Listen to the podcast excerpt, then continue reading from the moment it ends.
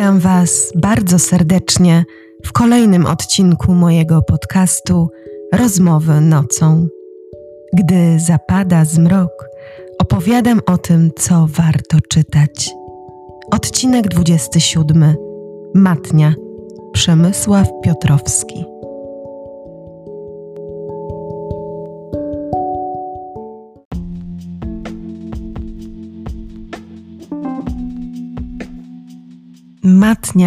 To sytuacja bez wyjścia. W takiej właśnie znalazła się główna bohaterka najnowszej książki Przemysława Piotrowskiego, Zuzanna Krupa. Czy autorowi udało się stworzyć przerażający, mroczny thriller, który jednocześnie porusza ważne sprawy społeczne? Jeżeli chcecie dowiedzieć się, o czym opowiada Matnia i czy warto po nią sięgnąć, to serdecznie zapraszam Was na kolejny odcinek mojego podcastu.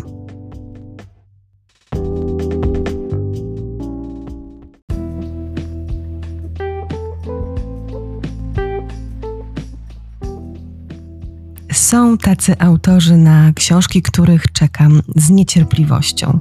Jednym z nich jest właśnie Przemysław Piotrowski. O jego genialnej trylogii kryminalnej z Igorem Brudnym w roli głównej, który skradł serca wielu czytelniczek, opowiadałam w swoich poprzednich podcastach. Jeżeli więc jeszcze nie znacie takich tytułów jak Sfora, Piętno czy też Cherub, bądź też zupełnie nie kojarzycie nazwiska autora, to odsyłam Was właśnie do moich poprzednich odcinków, dokładnie do odcinka 14 i 17. Mam nadzieję, że po ich wysłuchaniu sięgniecie szybko po te książki, po te mm, tytuły, a zapewniam, że są naprawdę warte uwagi i że spędzicie przy nich wyjątkowo intensywny czas, intensywny emocjonalnie, dlatego że te książki powodują taki skok adrenaliny i takie przyspieszone bicie serca, że trudno się po pierwsze od nich oderwać, a po drugie trudno o nich zapomnieć. Natomiast dzisiaj mam dla Was kolejną propozycję tego autora, nie lada gratkę. Zasiądźcie w fotelach, przyszykujcie sobie coś ciepłego do picia i posłuchajcie, o czym jest matnia i czy warto po nią sięgnąć.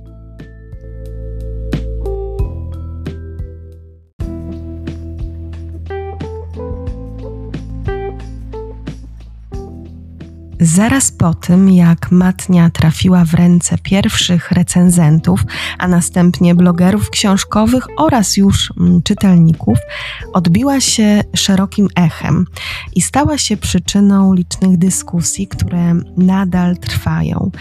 A to za sprawą tego, że ten tytuł dla wszystkich fanów prozy Przemysława Piotrowskiego jest zaskoczeniem, dlatego że autor pokusił się o zmianę gatunkową, co w przypadku każdego pisarza jest takim zabiegiem dosyć y, ryzykownym, dlatego że Przeważnie odbiorcy przyzwyczajają się do gatunku, w jakim pisze dany autor, a każda zmiana tego gatunku to trochę taka gra w ruletkę. Zawsze znajdują się później zwolennicy tej zmiany oraz szeroka rzesza przeciwników.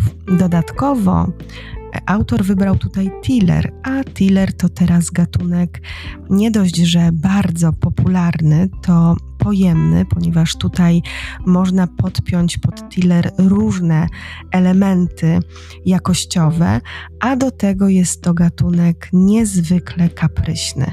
Czytelnicy wobec thrillerów mają ogromne oczekiwania. Te oczekiwania wynikają z tego, że Tillery pojawiają się ostatnio jak grzyby po deszczu. Jest ich naprawdę olbrzymia ilość i czytelnik może sobie w nich przebierać. Natomiast coraz trudniej takiego czytelnika, który jest um, ogromnym zwolennikiem tego gatunku, zaskoczyć. W związku z tym pojawia się właśnie takie wysokie oczekiwanie wobec każdego nowego tillera.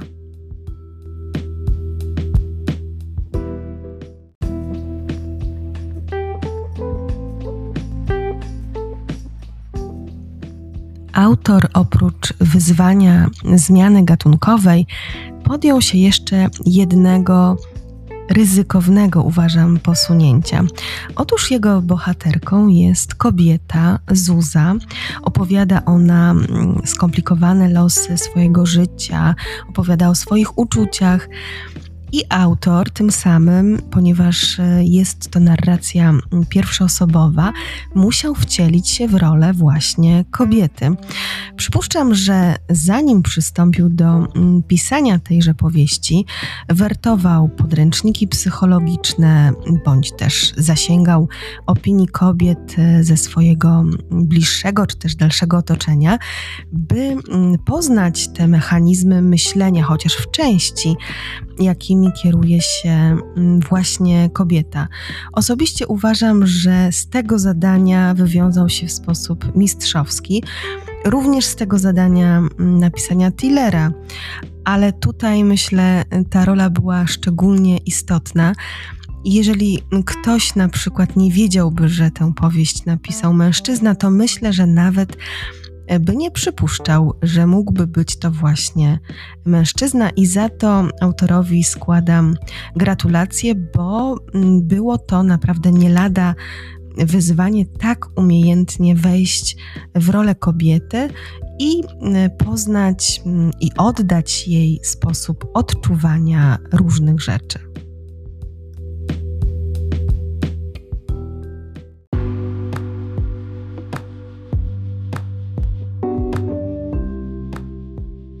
Poznajcie Zuzę. Zuza ma 34 lata i do tej pory życie doświadczało ją niemal na każdym polu.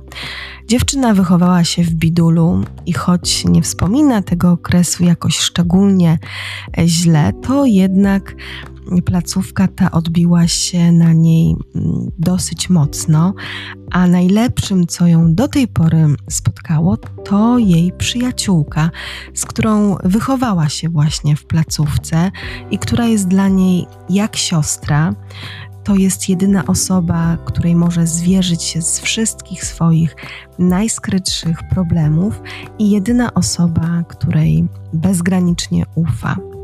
Cała reszta już nie układa się tak dobrze. Zuza miała trudności zarówno ze studiami, jak i ze znalezieniem pracy, ale największym ciosem, jakie zadało jej życie, był związek z mężczyzną, który ją oszukał, składając różne wielkie obietnice, które okazały się oszustwem. A dodatkowo tak umiał podejść dziewczynę, że podpisując stosowne dokumenty, stała się niestety posiadaczką ponad dwumilionowego długu. I tak właśnie skończyły się jej marzenia o wspaniałej rodzinie. A na dodatek tego dowiedziała się, że jest w ciąży. I to w jakiej ciąży? Bliźniaczej. Czy może być jeszcze gorzej? Kiedy Zuza myślała, że jej życie zmierza na równi pochyłej, wydarzyło się coś nieoczekiwanego.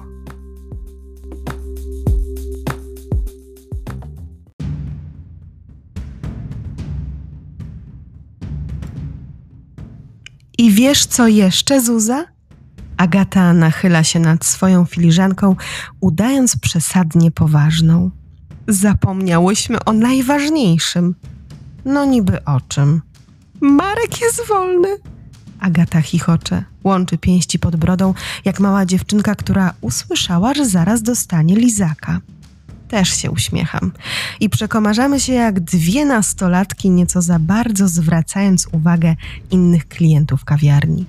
Ale Aga, mówię, gdy w końcu przestajemy świrować. Ja wiem, że wszystko wygląda jak w bajce. Właśnie dlatego mam wątpliwości. Daj mu szansę, naciska. Przecież nie musisz się od razu hajtać. Mówisz, że chcecie zabrać do tego domu nad jeziorem na weekend. Pojedź i przekonaj się, jak tam jest. Jestem pewna, że będzie super. Sama widzisz, ale przez chwilę zastanawiam się nad tym, co tak naprawdę chcę powiedzieć. Zamieszkać tam na stałe? Przecież to straszna wiocha. Podobno nawet asfaltu nie ma. Tam psy dupami szczekają i ta nazwa Toporzyce. Oj tam, oj tam, gadasz jakbyś już tam była. Agata nabija na widelczyk kawałek mufinki i wkłada go do ust. Poza tym, czego ty teraz oczekujesz? Niedługo urodzisz dwie piękne dziewczynki i co? Masz zamiar co tydzień biegać na imprezy? Po tym wszystkim trochę spokoju dobrze ci zrobi. Żaden komorniczy kutafon nie będzie cię tam nachodził. Same plusy, Zuza. Uważam, że to wspaniały pomysł. No nie wiem.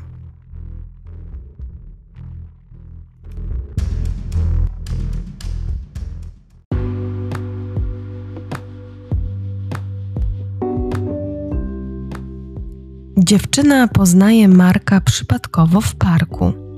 Na początku jest bardzo zdziwiona tym, że nadmiernie się interesuje jej osobą.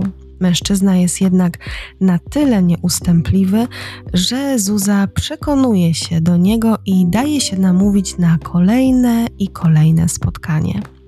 I tak oto z życia pełnego smutku jej życie przeobraża się w życie księżniczki z bajki, która zostaje zamknięta w wielkim, olbrzymim, ale też i mrocznym pałacu.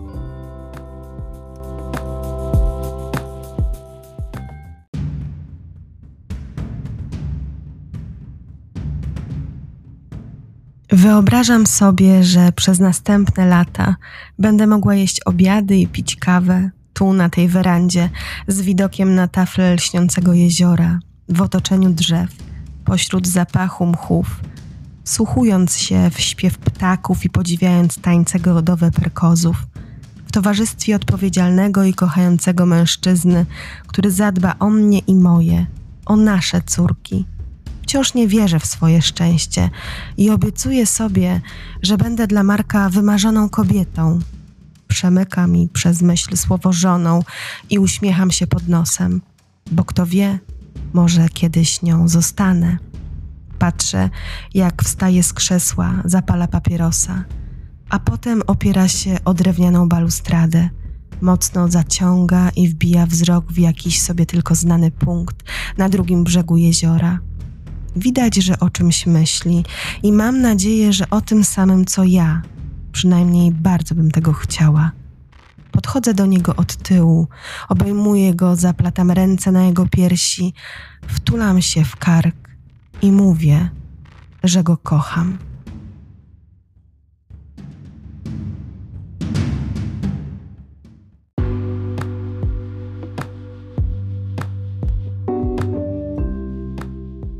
Chwilowo Zuza czuje się jak w bajce. Marek zaakceptował jej bliźniaczą ciążę, zapewnił dach nad głową, przeniósł do urokliwego domku nad jeziorem, w miejsce, gdzie ma wypocząć i przygotować się do porodu na przyjęcie ich córek, bo tak mówi o nich, to będą ich córki. Zuza jest zauroczona Markiem. Myśli, że tak będzie ciągle uważa, że wygrała los na loterii, że jej życie wreszcie zmierza do tego upragnionego, szczęśliwego celu, że będzie miała prawdziwą, pełną rodzinę. Ale nagle wszystko zaczyna się zmieniać. A ta zmiana zaczyna się od tego, że Marek informuje ją, że musi wyjeżdżać co jakiś czas do pracy, do Niemiec, a wtedy Zuza będzie musiała zostać w tym domu, w tym jej pałacu, sama.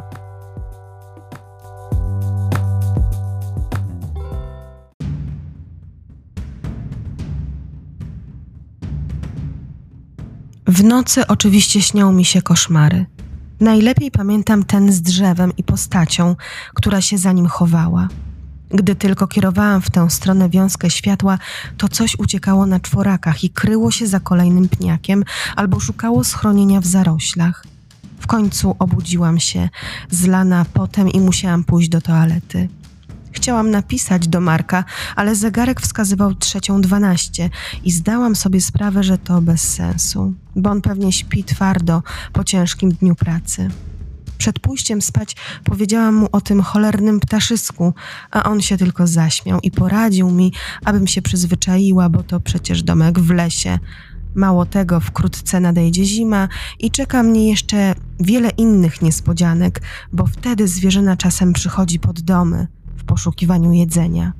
Już miałam mu nagadać, ale na szczęście chwilę później dodał, żebym się nie martwiła, bo jestem całkowicie bezpieczna.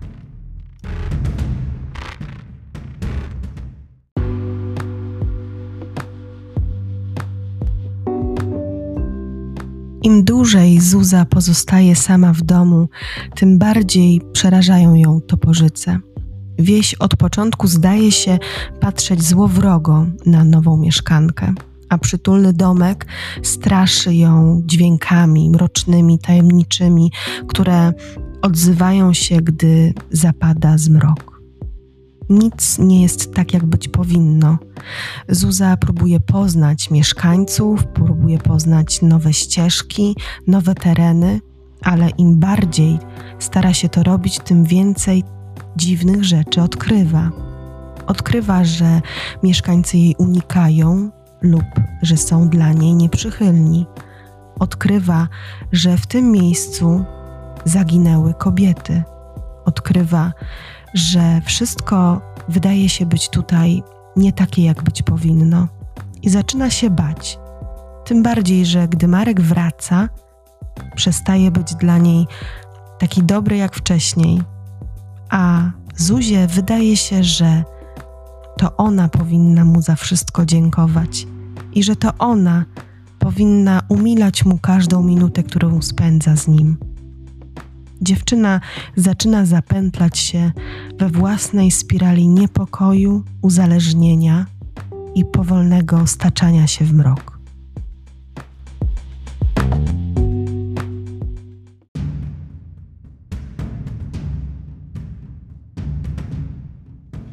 Powstrzymuję się przed tym, aby nie zwymiotować, i na szczęście mi się udaje. Jeszcze chwilę zajmuje mi powrót do siebie, wydaje z siebie odrażające dźwięki, w końcu uspokajam się i patrzę na mojego partnera. Ma zamknięte oczy i lekko uchylone usta, ale ten grymas jest inny jakiś. Dzięki, Zuza. Mówi, ale nic więcej nie dodaje. Przez chwilę czekam, aż jednak coś dopowie, ale nie robi tego, ignoruje mnie. Czuję się dziwnie po raz pierwszy, nie tak jak wcześniej. Niekomfortowo, trochę podle. Nie wiem, może przesadzam. Wtedy otwiera oczy. Mogłeś mnie uprzedzić? Mówię, wycierając wierzchem dłoni resztki spermy z brody. Zdaję sobie sprawę, jak to wygląda i czuję się z tym źle. Ale że co? Pyta w jego głosie wybrzmiewa jakby drwina.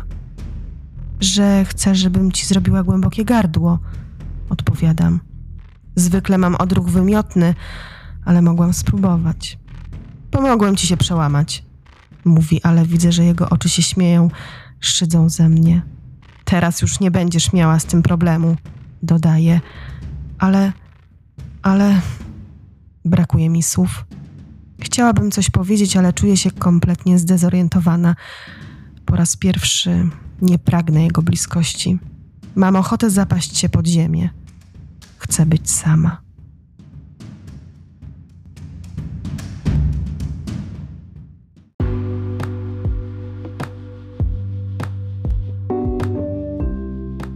Od tej pory życie Zuzy już nie wygląda jak obrazek z bajki. Dziewczyna jest coraz bardziej przerażona. Próbuje szukać pomocy u swojej przyjaciółki. Razem odkrywają rzeczy, które sprawiają, że obie są przerażone. A Marek, ten książę na białym koniu, wybawiciel, oaza czułości, dobroci, oddania, poświęcenia – czy to aby na pewno ten Marek, którego kiedyś poznała i który obiecywał jej, że będzie tak szczęśliwa na tej małej wsi, koło jeziora, w Toporzycach.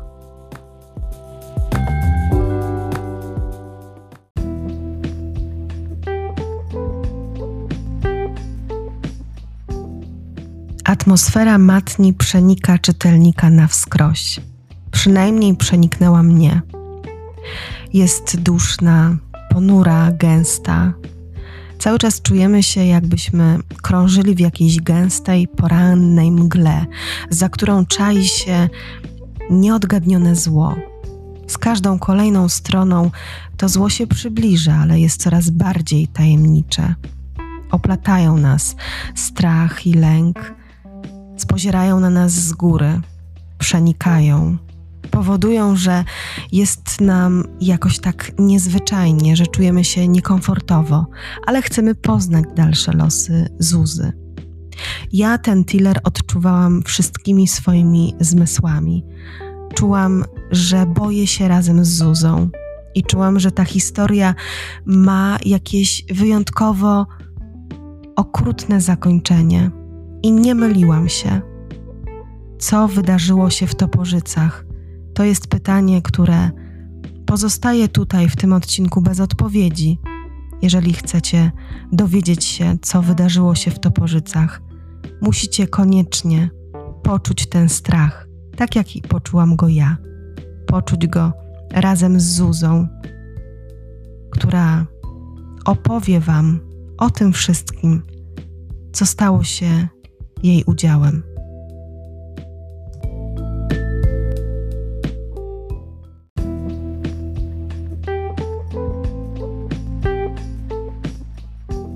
Matnia to książka, która dostarcza nam nie tylko takiej emocjonalnej rozrywki, niepokojącej. To także książka wielowymiarowa, która mówi o różnego rodzaju problemach społecznych, a jednym z tych problemów jest relacja toksyczna między mężczyzną a kobietą.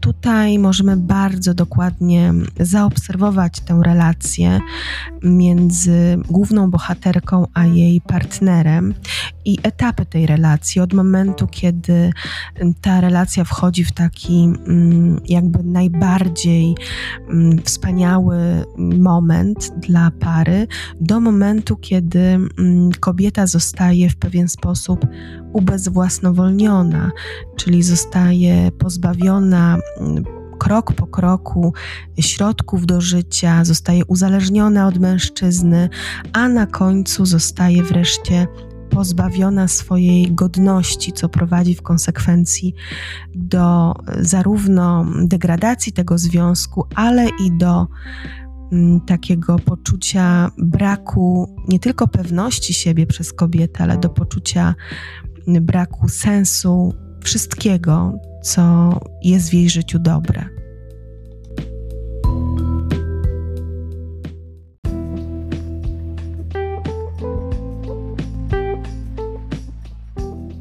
Finał opowieści o wydarzeniach w Toporzycach jest okrutny, przerażający. Niektórzy mówią, że przerysowany, zbyt wykrzywiony, nieprawdopodobny, ale autor, y, pisząc kilka słów y, od siebie, na końcu książki mm, zdradza nam pewną informację, że motywacją do napisania tej powieści był research, którego dokonał mm, przy okazji pisania jednej e, z trylogii kryminalnej, o której Wam wspomniałam.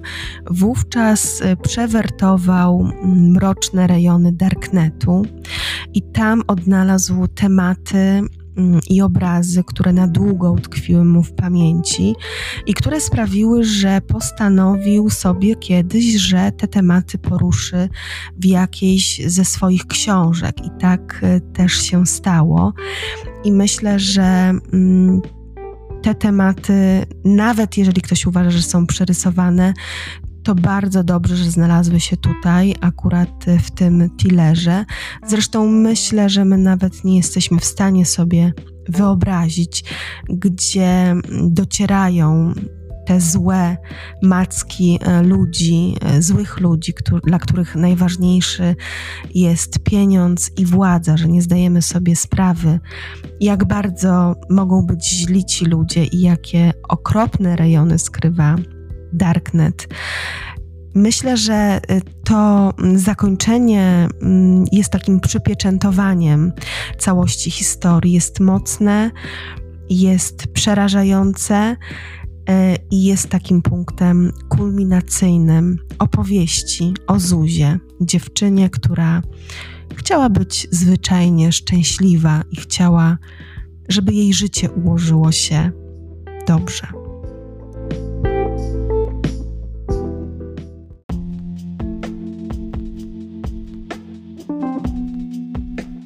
Matnia to książka klaustrofobiczna, niepokojąca. Książka, która oplata nas lękiem i strachem, która sprawia, że jesteśmy wciągnięci w wir wydarzeń przerażających nas i nie pozwala nam się wymknąć aż do finału. Mam nadzieję, że dzięki moim refleksjom również sięgniecie po tę pozycję i że będziecie mogli po jej przeczytaniu powiedzieć tak jak ja, że jest to książka naprawdę warta uwagi.